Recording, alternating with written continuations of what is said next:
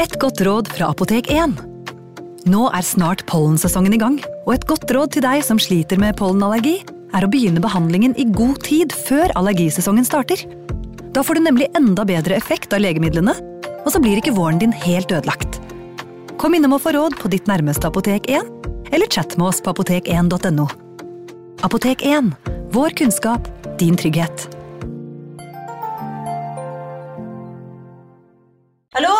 Jeg kommer fra Oslo politikammer. Ine Jansen er purk. Er du purk? The motherfucking bitch. Alt jeg vil, er å finne ut hva som skjedde med mannen min. Jon Carew. Er jeg sikta for noe? Iben Akeli. Det er du. Ole So, Lars Berrum og Big Daddy Karsten. Hvem sin side er du på, egentlig? Anette Hoff, Tone Danielsen, Kommer du fra Afrika? Jørnis Josef, Nesten. Kløfta. Trond Espen Seim, Det er synd å si det, men det var feil mann som døde. Purk. Premiere tirsdag på TV2 Play. Advarsel. I denne podkasten vil du høre historier basert på informasjon programlederne har funnet selv. Programlederne står ikke nødvendigvis inne for meninger og syn som fremstilles. Noen påstander kan avvike fra virkeligheten.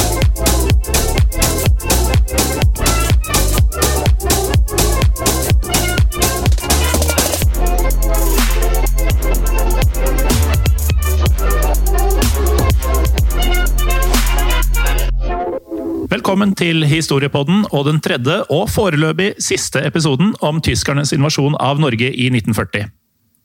Ja, dette blir eh, vår siste del i vår trilogi, da. eh, om det som skjedde for eh, 80 år siden i år. I alle fall for denne omgangen, da. La oss bare starte litt med en eh, kort eh, oppsummering her. For eh, første del av denne trilogien var om selve 9. april, altså dagen da tyskerne invaderte Norge. Andre del var om slaget om Narvik, altså oppe i Nordland, som eh, strakte seg fra april til juni i 1940. Og denne tredje delen den skal handle om resten av det som foregikk i 1940 etter 9. april. eh, Det som altså ikke var slaget om eh, Narvik. Så dette blir eh, litt mer fragmentert, kanskje, med hendelser fra forskjellige steder i Norge, og historien om hva som skjedde kampmessig, men også politisk. Kanskje den viktigste episoden på sett og vis, fordi det sier mye om tiden fremover i krigen. Men eh, vi begynner i hvert fall med 11. april her, vi. Og vi repeterer bitte lite grann fra første episode i, eh, i eh, denne trilogien. Eh, som vi husker, så var jo da kong Haakon den syvende, altså kongen av Norge på dette tidspunktet, eh, han hadde hatt et møte med regjeringen og stortingsmedlemmene på Elverum. Og der hadde de underskrevet Elverumsfullmakta. Bra uttale av Elverum, forresten, eh, Jim. Takk så mye, Morten. Denne fullmakta ga den norske regjeringa fullmakt til å kunne ta avgjørelser under krigen, fram til Stortinget kunne samle seg igjen, som man da ikke visste når ville bli. Og ettersom du eh, gir meg litt eh, gode skussmål her da, på uttalelse, så føler jeg at det passer veldig godt at vi korrigerer oss sjæl. For vi har fått høre at vi sa Gratangen var det i forrige episode, nei, eh, del to av eh, invasjonen. Ja, det må ha vært forrige gang. Ja, og da har vi fått eh, ikke bare én, men flere videos og lydsnutter. Og hvis jeg har forstått det helt korrekt nå, så skal man si Gratangen. Ja, men har, det må ha vært du som sa Gratangen, for det kan jeg ikke se for meg at har ramla ut av min munn. Altså. Det er selvfølgelig Gratangen. Så disse, Ja, disse sinte nordlendingene som hører på, de, de har jo helt rett. Jeg er enig med dem om hvordan man skal uttale Gratangen. Og veldig Gratangen. Eh, og så videre, da. Kongen og regjeringen hadde også nettopp sagt nei til kravet fra tyskerne, altså den tyske utsendingen i form av Kurt Braua, som da ønsket at eh, Norge skulle godta en tyskvennlig regjering. Som i praksis eh, ville bety at eh, Norge ville samarbeide med de invaderende tyskerne. Kongen hadde da altså gått i råd med regjeringen og hadde sagt til dem at hvis det var slik at de valgte å samarbeide med tyskerne, så ville han personlig abdisere. Og bare en kort definisjon her på det å abdisere. Det stammer fra det latinske ordet abdicatio, eller abdisatio. Abdicatio. abdicatio. Ja. Ja. Som betyr å frasi. Begrepet blir eh, gjerne brukt om kongelige, eller da monarker, som gir avkall på nettopp dette. Som andre ord, ved å abdisere i denne sammenheng, så ville da kong Haakon 7. gi avkall på sin rett til tronen i Norge. Men heldigvis nektet regjeringen å gå med på tyskernes krav. Og Deretter eh, flykta kongen og regjeringa videre til Nybergsund i Trysil, hvor eh, tyskerne hadde fulgt etter dem, men eh, ble stoppet av norske styrker på Midtskogen, som vi nevnte for to episoder tilbake. Og Fram til da hadde tyskerne lidd en serie nederlag i forsøket på å få tak i kongen og regjeringa, og dette skal ha gjort tyskerne rett og slett rasende. Ja, for først var det sånn som vi hørte i episode 1 at Blücher ble senket ved Drøbak i Norge, altså under slaget om Oscarsborg festning. Og det at nordmennene lykkes i å senke Blücher, det var utrolig viktig av forskjellige årsaker. Spesielt viktig var det at dette ledet til at tyskerne ble forsinket i deres inntog av Oslo, som igjen tillot da kongen og regjeringen tilstrekkelig med tid til å flykte. Som følge av dette igjen så rakk regjeringen og Stortinget å skrive under på Elverumsfullmakten. Videre ringvirkning av at Blücher ble senket, var at kongen og regjeringen slapp unna tyskerne ved Midtskogen. Så tyskerne var som sagt eh, sinte, så den 11. april så sendte de sine beste Heinkel 111, eller 111, bombefly mot eh, Elverum og Nybergsund. Og Først så bomba tyskerne Elverum klokka halv elleve om morgenen i det som var et lite angrep med begrensa bombing og liten skade. Mm. Og folk i Elverum som følte på lettelsen etter dette ja, kan man kalle det mindre angrepet, at dette var ferdig, hadde imidlertid mer i vente, dessverre. For på samme ettermiddag kom det nemlig store angrep både mot Elverum og Nybergsund. Og store deler av da sentrumsbebyggelsen i Elverum ble ødelagt, og til sammen 34 mennesker omkom i selve bombingen, eller som følge av da skader fra selve bombingen. Da tyskerne gjennomførte denne bombinga, så visste de allerede at kongen og regjeringa ikke var i Elverum. Så historikere antar derfor at bombinga av Elverum var en slags terror og rett og slett hevn for kongens nei. Men tyskerne de visste at kongen og regjeringen var i Nybergsund.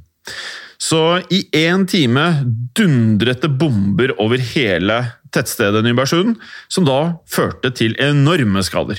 Ja, Rundt eh, klokka fem den ettermiddagen så slo en minister alarm til kongen og regjeringa om bombeflyene som var på vei mot eh, Nybergsund. Eh, og På det tidspunktet så var kongen, kronprinsen og mesteparten av regjeringa på et sted som heter Trysil eh, turistheim. Eh, alle kom seg raskt ut og gjemte seg oppe i et skogholt, og søkte da dekning i den lange, lange timen som bombene raste ned i Nybergsund. Men i denne bombingen var det slik at heldigvis ingen ble drept. Dette betød jo i prinsippet igjen at tyskerne hadde feilet og dermed var det slik at kongen og regjeringen fortsatt var frie og uskadde. Men kongen og regjeringen kunne ikke bli, så de forlot Trysil i da forskjellige biler, som da skulle dra i forskjellige retninger for å gjøre det vanskeligere for tyskerne å vite hvor de dro. Ja, De kjørte i forskjellige retninger, men avtalen var å møtes på Lillehammer neste dag. La oss komme tilbake til kongen litt etter hvert der. For i resten av landet foregikk det da kamper og motstand mot tyskernes invasjon. Ja, for uh, norske styrker de var uh, innstilt på motstand, uh, men det var ikke en, en, selvfølge, som vi hørte om bl.a. I, i Narvik. Da Tyskland angrep 9.4, var mange i militærledelsen nemlig overbevist om at det var nytteløst å yte motstand, og at det ville være best for alle om vi bare overga oss. Mm. Men én mann som mente at situasjonen var langt fra håpløs, det var oberst Otto Ruge. Den 10. april ble han utnevnt til kommanderende general, og senere i mai ble han utnevnt til forsvarssjef med kommando over hele forsvaret av Norge. Og general Ruge han mente at norske styrker måtte gjøre motstand eh, for å bevare det han kalte vår nasjonale selvaktelse. Det var rett og slett ikke på tale å gi seg uten kamp, ifølge Ruge. Da var det bedre å kjempe og gjøre motstand, selv om man ble slått. Og vi kan vel si at vi liker Ruge meget godt, vi, Morten? Ja, han har riktig holdning. General Ruge fjernet offiserer som var lite kampvillige, og sendte tidlig ut følgende ordre. Der det var mulig, skulle norske styrker gjøre motstand og kjempe for enhver pris. Og dette var jo på et tidspunkt hvor eh, den norske hæren ikke var veldig godt eh, utrusta. Den var eh, liten, og vi hadde ikke noe særlig til panserstyrker, noe særlig til flyvåpen eller feltartilleri å snakke om. Som var eh, litt også situasjonen for mange andre land som tyskerne invaderte på det tidspunktet. Mm. Så den norske hæren var da altså ikke voldsomt imponerende på det rent materielle eller det tekniske, men den norske hæren hadde andre fordeler i kampene mot nazistene. Ja, for som vi vet så har jo Norge mye variert terreng og store avstander, og nordmennene var rett og slett flinkere enn tyskerne til å manøvrere i disse forskjellige terrengene, spesielt utenfor veiene. Og mange norske soldater var også dyktigere skyttere enn tyskerne, noe som ga de norske styrkene ekstra sårt tiltrengt selvtillit. Åh, jeg liker det.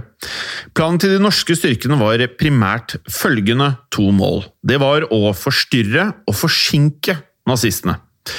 Tyskernes fremgang skulle bli forstyrret av norske styrker, og kampene skulle forsinke tyskerne, så kongen og regjeringen kunne komme seg unna. Forsinkelsene skulle også sørge for at Norge holdt stand frem til de allierte rakk å landsette styrker i Norge.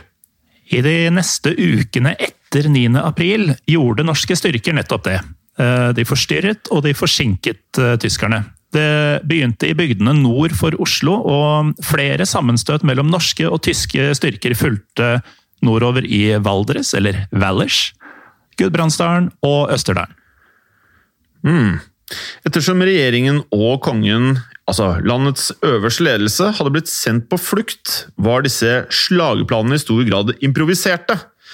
Det var vanskelig for norske styrker å mobilisere seg i stor grad, ettersom de fleste storbyene allerede på dette tidspunktet var tatt av tyskerne. Ja, de, de, norske styrkene hadde jo egentlig noen eh, store planer. Eh, general Ruge han ville at de store dalførene på Østlandet skulle forsvares med oppholdende strid til de allierte kom, men eh, mer konkrete slagplaner de ble ofte improvisert lokalt. Ja.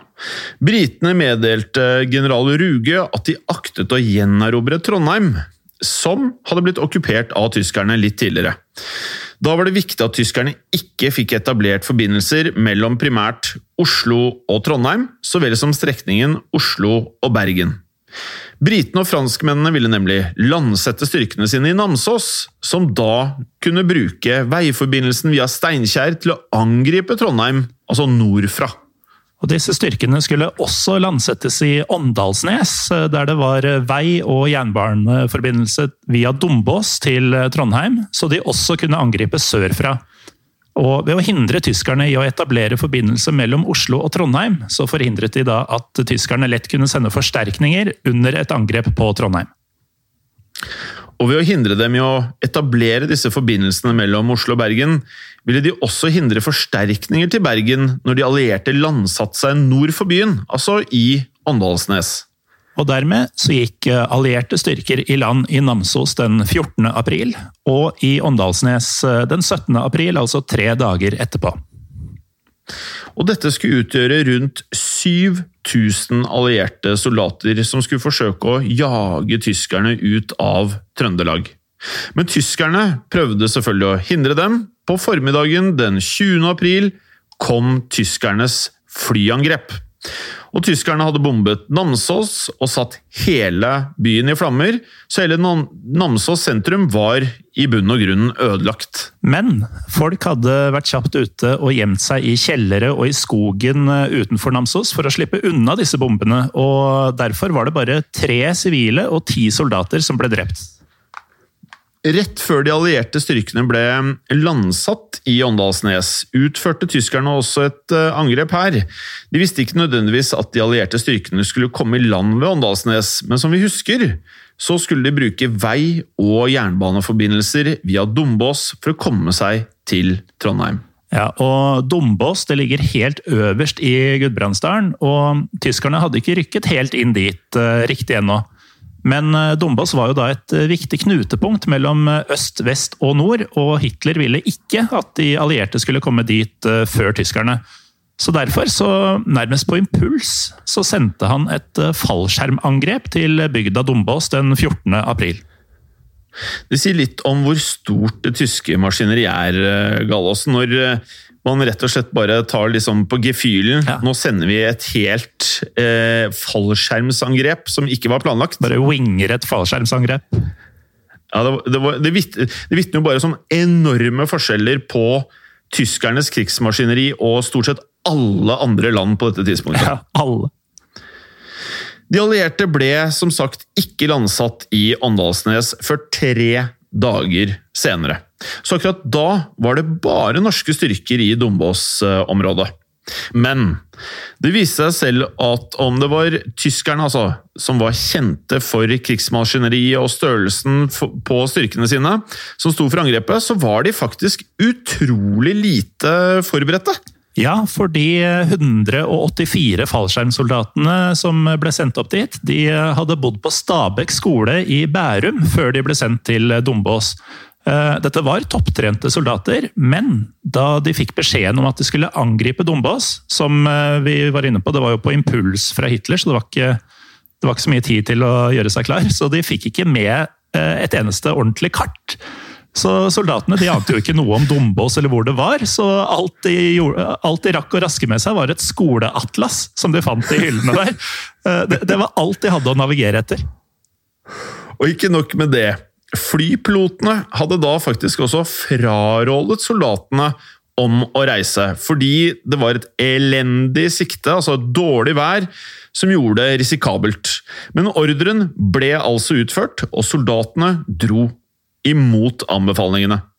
Da de kom frem, hoppet da fallskjermsoldatene ut over et såpass stort område at bare 60 av de 184 soldatene landet nære hverandre nok til at de faktisk klarte å finne hverandre, som igjen tillot dem å gjøre en viss form for organisering. da. Ja, øh, Resten av soldatene de havnet for langt vest, øh, i et sted som heter Lesja. Eller inne på fjellet ved Fokstugu, for de lytterne som er øh, kjent i det området. Uh, Visstnok så ble de fleste av disse soldatene som kom på avveie, raskt tatt til fange av den norske Mørebataljonen. Uh, tyskerne visste da som sagt veldig lite om området, og siden de bare hadde dette skoleatlaset uh, Og nordmennene de kjente jo selvfølgelig området langt bedre enn disse stakkars tyskerne.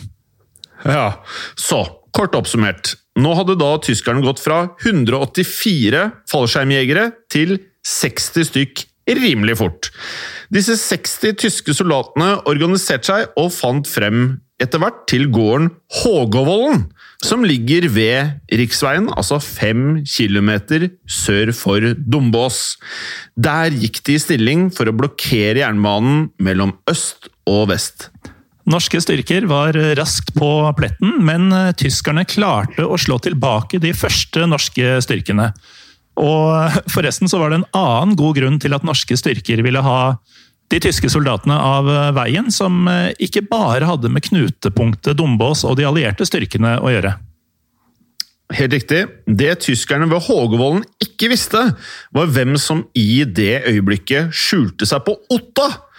Otta, for de som ikke er kjent med Otta geografisk, ligger rett i nærheten av Dombås. Og på Otta så lå nemlig både kongen, kronprinsen og et par regjeringsmedlemmer i dekning, på flukt vestover fra tyskerne. Kongen og regjeringa trengte fritt leide gjennom Dombås, men eh, plutselig hadde det jo ramlet eh, bokstavelig talt ramla 60 tyskere midt i veien for dem. Eh, og det ante den tyske styrken på Hågåvallen ingenting om. Det hele ble jo da ekstra nervepirrende, for de norske styrkene de måtte sørge for at tyskerne ikke fikk vite at kongen og kronprinsen lå nesten rett under nesen på dem. Og hvordan konfrontasjonen mellom tyske og norske styrker gikk videre etter dette, kommer vi tilbake til etter en kort pause. Og da var vi tilbake igjen, og norske og tyske styrker er i ferd med å treffe på hverandre ved Dombås. 60 tyske fallskjermsoldater hadde altså organisert seg på en gård nær Dombås, uten å vite at den norske kongen lå i skjul like i nærheten. Og kronprinsen. Norske styrker måtte derfor forhindre dem både i å ta Dombås og sørge for at de ikke fikk vite at Norges konge var rett ved. Den 15. april leda en norsk kaptein ved navn Eiliv Austli et angrep mot den tyske basen i et forsøk på å fri opp eh, fluktruten til kongen og regjeringsmedlemmene. Kapteinen valgte å gå rett på og angripe, noe som førte til at både han selv og fem av hans menn ble drept i denne kampen. Og etter dette angrepet fant tyskerne ut at de skulle flytte på seg. Den 17. april tok tyskerne seg derfor inn på Lindsørgårdene, rett sør for Dombås.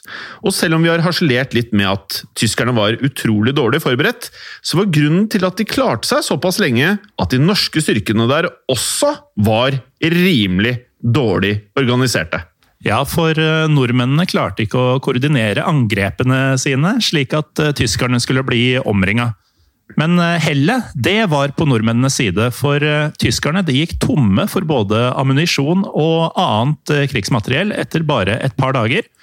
Og tyskerne de håpet på forsterkninger uten at det kom noen.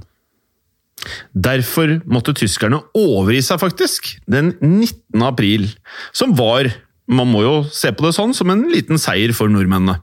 Dombås var fortsatt i norske hender, klart for de allierte troppene som skulle landsettes i Åndalsnes.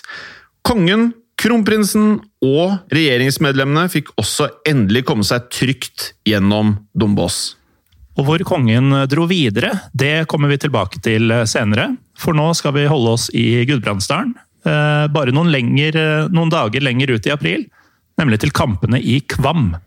Eh, disse var visstnok de hardeste under krigen i Norge i 1940. Eh, Men nazistene de hadde slagkraft. Tyskerne hadde nemlig stridsvogner og snart fullstendig herredømme i luften over Sør-Norge ved hjelp av det mektige Luftwaffe sine enorme styrker. Ja, så For Norge så utvikla situasjonen seg mot det verre. I midten av april forlangte general Ruge at de britiske styrkene som ble satt i land i Åndalsnes, skulle omdirigeres. Britene måtte til Gudbrandsdalen for å holde fronten, før de senere eventuelt kunne dra mot Trondheim. Britene gjorde som general Ruge sa, de. Og de havnet snart i Kvam. Kvam er da et, eh, for de av dere som ikke vet det, et bitte lite tettsted i Gudbrandsdalen. Og det er historisk kjent for primært to ting.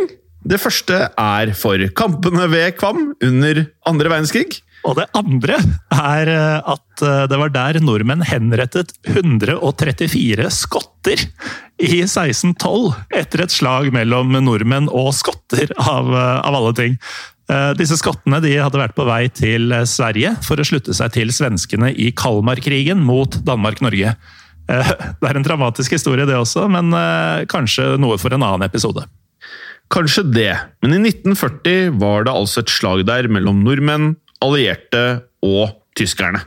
Tyskerne marsjerte gjennom eh, Gudbrandsdalen, og de fikk stor framgang der de gikk. Den 23. april falt det norske forsvaret ved inngangen til Gudbrandsdalen. Dermed skjøt det fart i den tyske framrykkingen, dessverre, og allierte styrker måtte trekke seg innover.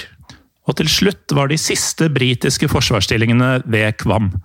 Dette var det siste forsvaret mot den store bølgen av det tyske krigsmaskineriet på vei mot Otta og Dombås.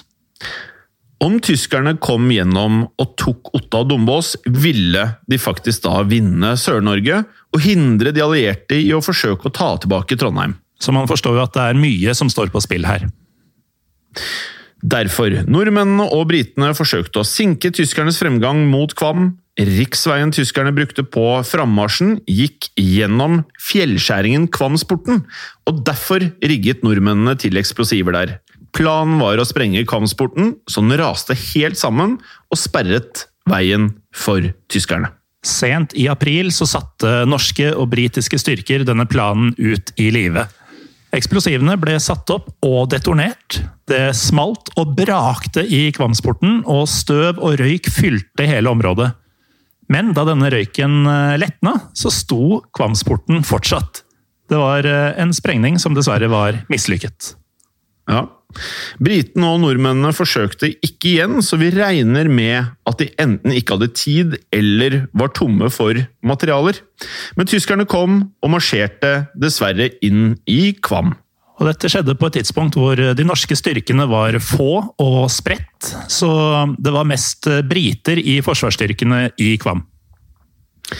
Torsdag 25. april og fredag 26. april 1940 krasjet britene og tyskerne sammen i slaget om Kvam. Og som du var inne på i stad, Jim, tyskerne hadde jo dessverre voldsomt med flystøtte, og det hadde ikke britene. Så britene på bakken de gjorde sitt beste, men det tyske krigsmaskineriet var rett og slett for sterkt. Til slutt sto omtrent 70 hus i Kvam i brann, og 54 briter var døde. Tyskerne de slo gjennom Kvam, og britene måtte gi tapt.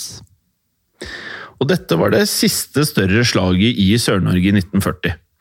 Den 28. april marsjerte tyskerne inn og tok Otta, og snart tok de også kontroll over Dombås. Og I motsetning til Nord-Norge hadde de alliertes og nordmennenes kamper i Sør-Norge stort sett vært en konstant retrett fra tyskerne. Rett etter dette slaget ved Kvam så besluttet de allierte styrkene at Sør-Norge var tapt.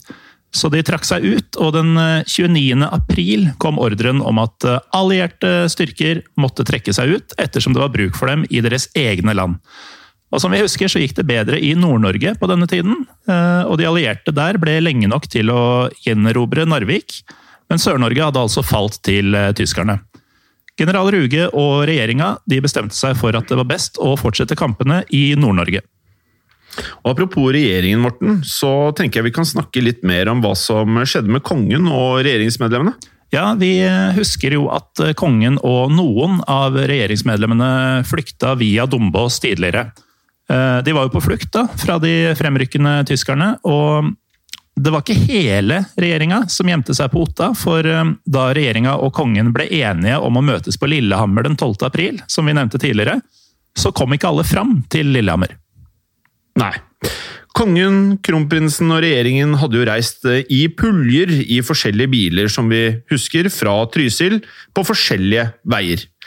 På flere av rutene ble det observert tyske styrker, og bare noen statsråder kom seg faktisk til Lillehammer. Kongefølget de kom seg ikke til Lillehammer. Nei, men eh, kongen traff imidlertid resten av regjeringa på Otta den 15. Eh, april, og der sendte han ut et opprop med en beskjed til det norske folk. Han eh, fortalte at han ikke kunne fortelle folket hvor han og regjeringa befant seg, og han fortalte om brutaliteten til tyskerne da de bombet kongen i Nybergsund. Og her har vi da et sitat fra dette oppropet. Jeg retter en inntrengende henstilling til alle norske kvinner og menn om å gjøre alt hva hver enkelt evner og kan for å redde friheten og selvstendigheten for vårt kjære fedreland. Jeg takker dem som i dag, sammen med meg og regjeringen, står på post i kampen for Norges selvstendighet og frihet. Dette var som nevnt på Otta, der de venta før de reiste videre gjennom Dombås etter at tyskerne der ble beseira den 19. april, som vi snakka om tidligere.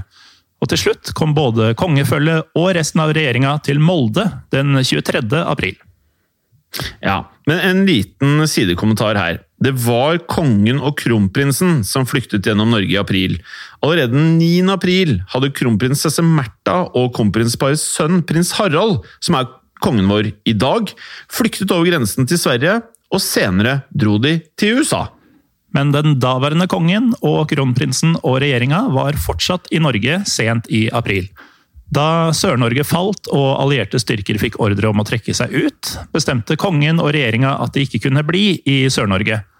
Om morgenen den 29. april 1940 gikk kongen og regjeringa om bord i den engelske krysseren Glasgow, en krysser som tok dem helt opp til Tromsø.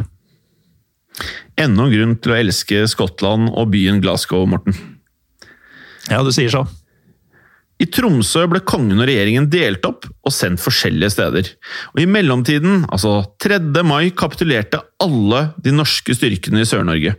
Fra da var det bare kamper i Nord-Norge. Kongen og regjeringen satt imidlertid isolerte hver for seg, og de kunne ikke påvirke kampene i Narvik i noe særlig grad. Så kom juni, og det ble viden kjent at de allierte skulle trekke seg ut av hele Norge. Kongen og regjeringa kom da fram til at det var vanskelig å krige videre på egen hånd, så de fikk et tilbud fra britiske myndigheter om å bli med til Storbritannia.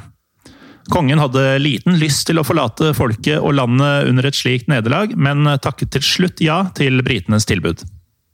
Den 7. juni gikk derfor kongen, kronprinsen og regjeringen i Tromsø om bord på krysseren Devonshire.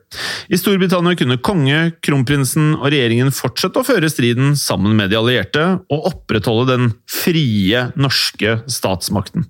Så den norske kongen var ikke lenger i Norge. Ikke at uh, tyskerne lenger så han som den virkelige øverste norske autoritet lenger uh, heller, for allerede den 24. april hadde Hitler utnevnt en tysk rikskommissær som skulle ha øverste myndighet for det okkuperte Norge. Denne mannen het Josef Terboven. Men 7. juni er fortsatt en viktig dato.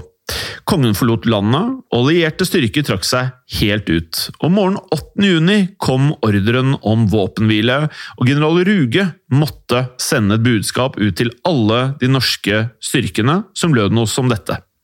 Kongen og regjeringen hadde bestemt at den norske motstanden skulle opphøre. Dette måtte de gjøre for å spare landet for flere ødeleggelser. Den offisielle våpenhvilen trådte i kraft 9.6.1940 og Norge kapitulerte dermed for Tyskland, og vi gikk inn i okkupasjon. Men general Ruge han nektet å gi tyskerne sitt æresord på at han ikke ville bære våpen mot dem etter kapitulasjonen. Med dette valgte han tysk krigsfangenskap, og han satt i fangeleir i Tyskland og Polen under hele krigen. General Carl Gustav Fleischer, mannen som ledet kampene i Nord-Norge, som vi snakket om i forrige episode, han rømte faktisk til London sammen med kongen og regjeringa, og unnslapp dermed tyskernes klør. Men våren 1942 så begikk Fleischer dessverre selvmord. Men tilbake i Norge 1940 hadde nå alle fått beskjed om å legge ned våpnene. Vi kan avsløre at det likevel bygde seg opp hemmelige norske motstandsbevegelser utrolig raskt, og vi kommer til å ha fremtidige episoder om motstandsbevegelsene i Norge. Men det skjedde nemlig annet i juni som vi skal snakke om nå, Morten. Ja, mellom 13. og 27. juni 1940 eh, så møtte tyskerne nemlig Stortinget, som fortsatt var i Norge, under det som kaltes riksrådsforhandlingene. Eh, der krevde tyskerne at eh, stortingsmedlemmene skulle avsette kongen og regjeringa, og deretter sette inn et nytt riksråd. Og dette riksrådet skulle bli Norges nye regjeringsmyndighet, og skulle selvfølgelig være tyskvennlige. Etter hvert gikk stortingsmedlemmene med på å spørre kongen om å abdisere, og de skrev et brev til kong Haakon der de ba ham om å gi opp tronen. Men verken kongen eller den norske regjeringa gikk med på dette.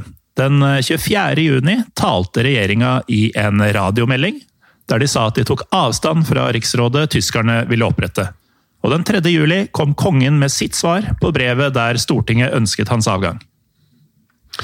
Kongen leste også opp brevet i en tale sendt over radioen fra London den 8. juli. Kongen sa klart og tydelig at han nektet å godta stortingsmedlemmenes forslag. Kongen nektet å abdisere, han begrunnet dette med at forslaget var et resultat av tysk maktbruk. Og denne talen er det som regnes som den andre delen av det som kalles kongens nei. Det første var den 10. april, der han avslo tyske krav om å utnevne Quisling til statsminister, og denne talen der han nektet å abdisere, var altså den andre delen. Kongens nei ble et veldig sterkt symbol for motstandsbevegelsen under hele den tyske okkupasjonen. Kongen godtok ikke at tyskerne skulle fortelle verken han eller regjeringa hvordan eller hvem som skulle styre Norge. Norges styresmakter var i eksil og skulle likevel vise motstand. Hjemme i Norge hadde Josef Terboven, altså tyskernes nye overhode i Norge, fått nok. Den 25. september ga Terboven opp å prøve å diskutere det nye riksrådet med stortingsmedlemmene. I stedet erklærte Terboven selv at den norske kongen og regjeringen nå var avsatt. Han gjorde alle politiske partier, unntatt den nazistvennlige Nasjonal Samling, forbudt. Ja, Tyskerne de satsa på Nasjonal Samling fra da av, og forkastet planene om et riksråd. Terboven utnevnte en NS, altså Nasjonal Samling-dominert regjering, og oppfordret nordmennene til å samle seg om NS. Nazistene tok også kontroll over alle nyhetsmedia og begynte nazifisering av offentlige instanser, som bl.a. skoler og domstoler. Terboven begynte også å slå ned på all motstand, og arrestasjoner og undertrykkelse ble tatt i bruk mot de som viste tegn på motstand. I tillegg gjorde Terboven all støtte til kongehuset forbudt og fra London så svarte kongen og den norske regjeringa at de ville fortsette kampen fram til den dagen Norge var fritt igjen. Så det var dermed innovasjonen i 1940. På slutten av året så det mørkt ut for Norge, men med noen lyspunkter. Kongen og regjeringen hadde kommet seg trygt til England og kunne kommunisere med det norske folk via radio. Dette ga motstandsfolket det samlende symbolet de trengte, og motstandsbevegelser begynte å organisere seg. Det skulle bli fem lange år før Norge ble fritt igjen, men underveis så skulle disse motstandsbevegelsene lage mye trøbbel for de tyske okkupantene. Og med det så um, setter vi en strek for denne gang for Norge under andre verdenskrig, men det er åpenbart at vi kommer til å komme tilbake til dette i senere episoder av Historiepodden hjem. Følg oss gjerne på Instagram der vi heter Historiepodden Norge, og på Facebook Hvor vi heter Historiepodden Norge. Og Facebook-gruppen vår som heter Historie for alle. Og så setter vi selvfølgelig pris på som alltid om dere rater oss og legger inn en liten kommentar til oss på iTunes. Og det at folk eh, rater oss og legger inn kommentarer, det har skjedd. Og det kan skje igjen. Forhåpentligvis. Kanskje. I produksjon av Historiepodden så ønsker vi å takke Håkon Bråten for lyd og musikk. Takk til Felix Hernes for produksjon. Takk til Ellen Froktenestad for tekst og manus. Og takk til deg, Morten Galesen, for programlederrolle. Og takk til deg, Jim Fosheim, for programlederrolle. Moderne media. Har du et enkeltpersonforetak eller en liten bedrift? Da er du sikkert lei av å høre meg snakke om hvor enkelt det er med kvitteringer og bilag i fiken, så vi eh, gir oss her, vi. Fordi vi liker enkelt. Fiken superenkelt regnskap. Hei, og takk for at du lytter til Historiepodden. Skulle du ønske at du kunne høre en ny episode av Historiepodden hver eneste uke? Vel, da er det én ting å gjøre. Da kan du laste ned podkastappen Untold med det samme. For i tillegg til ukentlige episoder av podkaster som Historiepodden andre verdenskrig, Henrettelsespodden og også Gangsterpodden, så får du masse annet reklamefritt og også eksklusivt innhold. Last ned Untold i AppStore eller Google Play og start din 30 dagers gratis prøveperiode allerede i dag.